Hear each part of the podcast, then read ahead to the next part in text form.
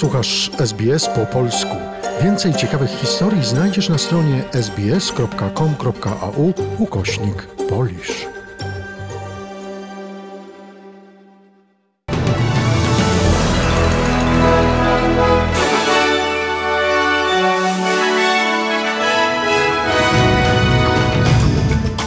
Oto skrót najważniejszych doniesień w niedzielę 10 stycznia. Drugi dzień lockdownu w Brisbane bez nowych przypadków zakażeń. W Indonezji zaginął Boeing 737. Trwają poszukiwania. W Polsce ponad 10,5 tysiąca nowych zakażeń koronawirusem. Szczepienia trwają.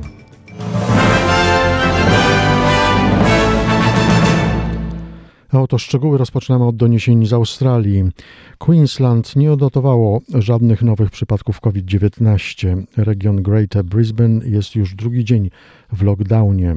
Queensland znajduje się w stanie wysokiej gotowości po tym, jak u sprzątającej osoby w jednym z hoteli kwarantannowych w Brisbane zdiagnozowano nowy brytyjski wariant koronawirusa. Służby stanowe do spraw zdrowia publicznego podają, że zidentyfikowano 147 przypadków bliskich kontaktów, z czego 112 otrzymało negatywne wyniki testu na koronawirusa. Mieszkańcy obszarów miejskich Logan, Ipswich, Moreton Bay i Redlands muszą jednak pozostawać w domu do godziny 18 do jutra do poniedziałku. Premier Anastazja Palaszczuk dziękuję wszystkim mieszkańcom Queensland za utrzymywanie dyscypliny i chęć testowania się podczas blokady. In the last 24 hours, Queenslanders have come out in their thousands to be tested, over 19,000 tests. So, can I thank Queenslanders for coming out and getting tested? That is exactly what Dr. Young has asked people to do, and they are responding in droves. So, thank you very much for that. So, uh, what we're seeing in the Greater Brisbane area is uh, large amounts of compliance, and people are doing the right thing. And uh, thank you, everyone, for um, you know mainly staying at home. Tymczasem Nowa Południowa Walia odnotowała trzy nowe nabyte lokalnie przypadki COVID-19. Dwa przypadki to bliskie kontakty z osobami z klastrów Berala, a drugi jest połączony z klastrem w Avalon. Zniesiono na razie ograniczenia dla mieszkańców północnej strefy Northern Beaches w Sydney. Premier Gladys Berejiklian twierdzi jednak, że mieszkańcy nadal muszą być bardzo ostrożni. Musimy wychodzić z założenia, że my lub inne osoby, z którymi się kontaktujemy, mogą być zakażone, podkreśla premier. Uh, I also want to stress that um, uh, again, we remain on, on high alert, but New South Wales is, is doing well. But we are in a stage where we're mopping up. There are still remnants of the disease in the community. Uh, obviously, most people now that we're reporting on are already in isolation, but we can't be complacent. There are additional venues which the health experts have loaded up for us, which we should all uh, be conscious of and all of us remain in a state of just being absolutely careful every time we leave the house, assuming that we or the person, people we're interacting with have the disease. Czwarty dzień z rzędu Wiktoria nie odnotowała przypadków koronawirusa nabytego lokalnie, ale w kwarantannie hotelowej wykryto sześć nowych infekcji. Jeszcze jedna wiadomość z Wiktorii. Ciała kobiety i trójki dzieci odkryto po ugaszonym pożarze w domu w dzielnicy Glen Waverley w południowo-wschodniej części Melbourne. Służby ratownicze i policja podejrzewają, że zapalił się garaż, a dom został wypełniony dymem. Do szpitala trafił także 50-letni mężczyzna, któremu udało się uciec. Mężczyzna ma poważne obrażenia. Jeden z mieszkańców tak opisuje scenę pożaru. Smoke was uh, it was very it wasn't black it was white and uh, it was very very big huge you know it was like a big cloud Wiktoriańska policja bada przyczynę pożaru. Przechodzimy do doniesień ze świata. Indonezyjskie służby ratownicze poinformowały o zlokalizowaniu domniemanych szczątków Boeinga 737-500 należącego do jednej z tamtejszych towarzystw lotniczych. Maszyna leciała z Dżakarty do Pontianak na wyspie Borneo. Utracono z nią kontakt kilka minut po starcie. O szczegółach Tomasz Sajewicz z Informacyjnej Agencji Radiowej. Według lokalnych mediów na domniemane szczątki samolotu natrafili rybacy. Boeing 737-500 indonezyjskich linii Sriwijaya Air prawdopodobnie runął do morza tuż po starcie. Dane na portalu lotniczym, gdzie w czasie rzeczywistym można śledzić rejsy samolotów, świadczą o tym, że maszyna zaczęła gwałtownie spadać około 4 minut po starcie z Dżakarty. Na pokładzie samolotu znajdowało się ponad 50 osób. W 2018 roku w Indonezji rozbił się Boeing 737 MAX linii Lion Air. Zginęło wówczas 189 osób znajdujących się na pokładzie. Maszyna należąca do Sriwijaya Air jest znacznie starsza. Według danych z portali lotniczych miała 27 lat. Do wielkiej awarii sieci elektrycznych doszło w Pakistanie. Prawie cały kraj nie ma prądu. Minister energetyki Omar Ayub Khan napisał na Twitterze, że doszło do awarii systemu przesyłu energii. Dodał, że trwają wyjaśniania jej przyczyn i wezwał mieszkańców kraju do zachowania spokoju. Demokraci złożą w Izbie Reprezentantów wniosek o impeachment dla prezydenta Stanów Zjednoczonych Donalda Trumpa. Poinformował o tym na Twitterze kongresmen Ted Liu. Tymczasem Twitter bezterminowo zawiesił prywatne konto Donalda Trumpa. Firma poinformowała, że zrobiła to z obawy o dalsze podżegnanie do przemocy przez prezydenta USA. Wcześniej podobną decyzję podjął szef Facebooka. Równocześnie koncern Google poinformował, że zablokował możliwość ściągania na telefony z systemem Android aplikacji Parler. To komunikator internetowy popularny wśród skrajnej prawicy i zwolenników Donalda Trumpa. W odpowiedzi na to Donald Trump oświadczył, że rozważa utworzenie własnej platformy mediów społecznościowych. A oto inne doniesienia ze świata. Dodatkowe opłaty, biurokracja, zawieszenie wysyłania towarów do Unii, czy też pustawe półki dużej sieci handlowej. To pierwsze pobrexitowe kłopoty Brytyjczyków. Lista jest dłuższa. O szczegółach z Londynu dla informacyjnej agencji radiowej Adam Dąbrowski.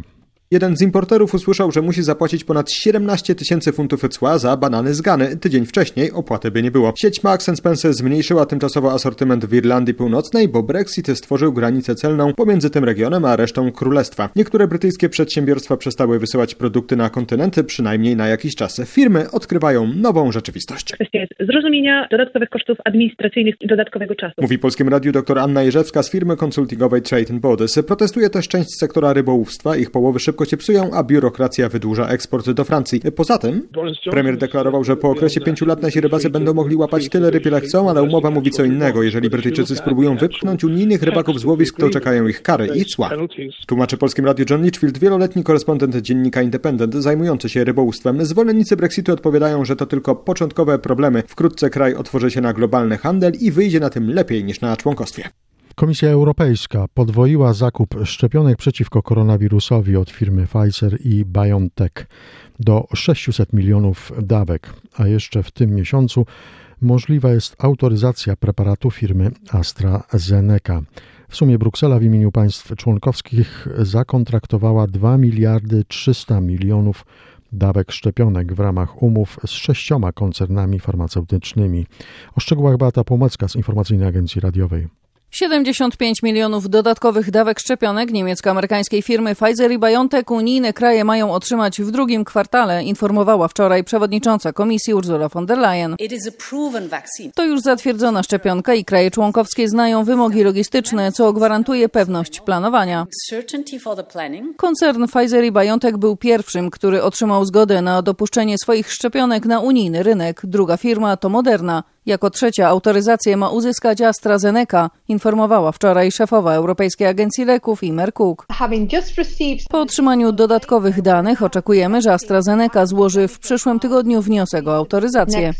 Jeszcze w tym miesiącu możliwe jest zatwierdzenie szczepionek tej firmy, która ma dostarczyć do Unii do 400 milionów dawek.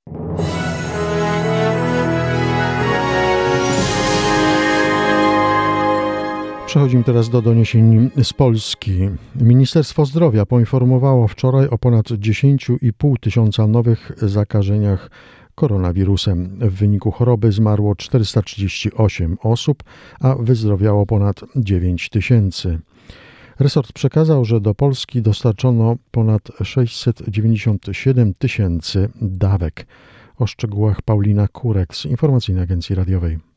Od kilku tygodni liczba zakażeń utrzymuje się na zbliżonym poziomie, mówił wczoraj dr Michał Sutkowski z Kolegium Lekarzy Rodzinnych. Dodał, że mamy do czynienia z wysokim stopniem pandemii. Jakkolwiek to nie nazwiemy drugim czy trzecim etapem tej pandemii, to jest to wysoko, no i musimy w związku z tym dalej przestrzegać zasad. W powrocie do normalności sprzed pandemii ma pomóc szczepionka przeciw COVID-19. Wirusolog profesor Włodzimierz Gut mówił, że tempo szczepień zależy od jej dostaw. Powinno nam starczyć do 16 milionów.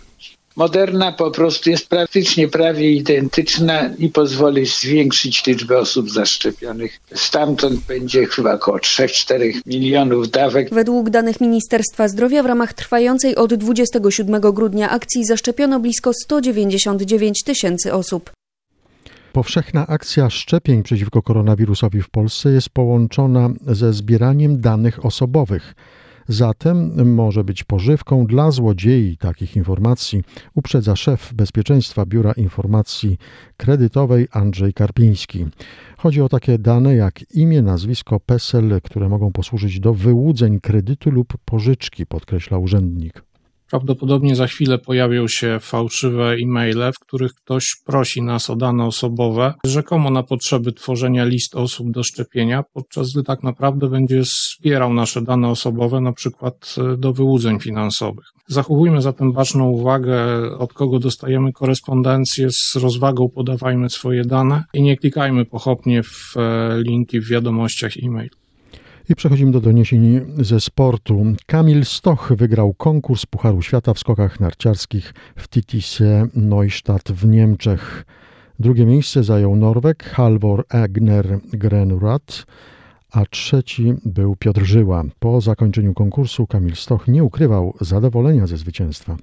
Cieszę się z tego zwycięstwa dzisiaj. Nie przyszło nam mi bardzo łatwo. Te skoki nie były tutaj super, nie były takie jak Bischofshofen. Tutaj było więcej trudności, więcej e, walki. Na koniec e, jeszcze tylko chcę powiedzieć, że bardzo mi szkoda Dawida, bo dzisiaj zasłużył na to podium jak nigdy inny i, i nawet nie wiem, czy nie na zwycięstwo. Zabrakło mu bardzo, bardzo dużo szczęścia, ale mam nadzieję, że dla niego co się odlecze, to nie uciecze i wszystko, wszystko przyjdzie we właściwym momencie. W pierwszej dziesiątce było jeszcze dwóch Polaków. Andrzej Stękała zakończył konkurs na miejscu piątym, a Dawid Kubacki na siódmym. Jeszcze jedna informacja ze sportu. Polska tenisistka Magdalena Fręch z powodu zakażenia koronawirusem nie wystąpi w kwalifikacjach do wielkoszlemowego tenisowego turnieju Australian Open. Polka poinformowała o tym za pomocą mediów społecznościowych. Cytujemy: Niestety rok 2021 nie zaczął się dla mnie najlepiej. Z powodu pozytywnego testu na COVID-19 nie zostałam dopuszczona do eliminacji Australian Open. Przebywam na obowiązkowej kwarantannie, czuję się dobrze, chce mi się wyć, napisała tenisistka. I czas na informację walutową. Kurs średni dolara australijskiego na dzień dzisiejszy wynosi 2 zł 86 groszy, a w stosunku do dolara amerykańskiego wynosi 78 centów. Pogoda w Australii. Sydney dzisiaj słonecznie, temperatura maksymalna 27 stopni. Jutro w poniedziałek również bezchmurne niebo i 27. W Canberrze dzisiaj słonecznie, 32, jutro również słonecznie i 33. W Melbourne dzisiaj słonecznie, temperatura maksymalna 32 stopnie, w poniedziałek pogodnie i upalnie 37. Spadek temperatury do 23 dopiero we wtorek. A w Polsce dzisiaj zimowo, miejscami opady śniegu. Temperatura maksymalna w ciągu dnia od minus 2 na północnym wschodzie do plus 1 stopnia na zachodzie kraju. Słuchali Państwo przeglądu wiadomości Radia SBS.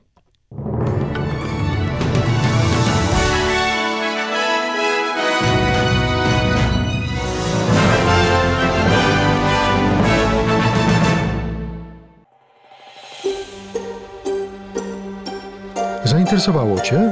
Chcesz usłyszeć więcej? Słuchaj nas na podcastach dostępnych w Apple Podcast, Google Podcast czy Spotify lub w jakimkolwiek innym, który używasz.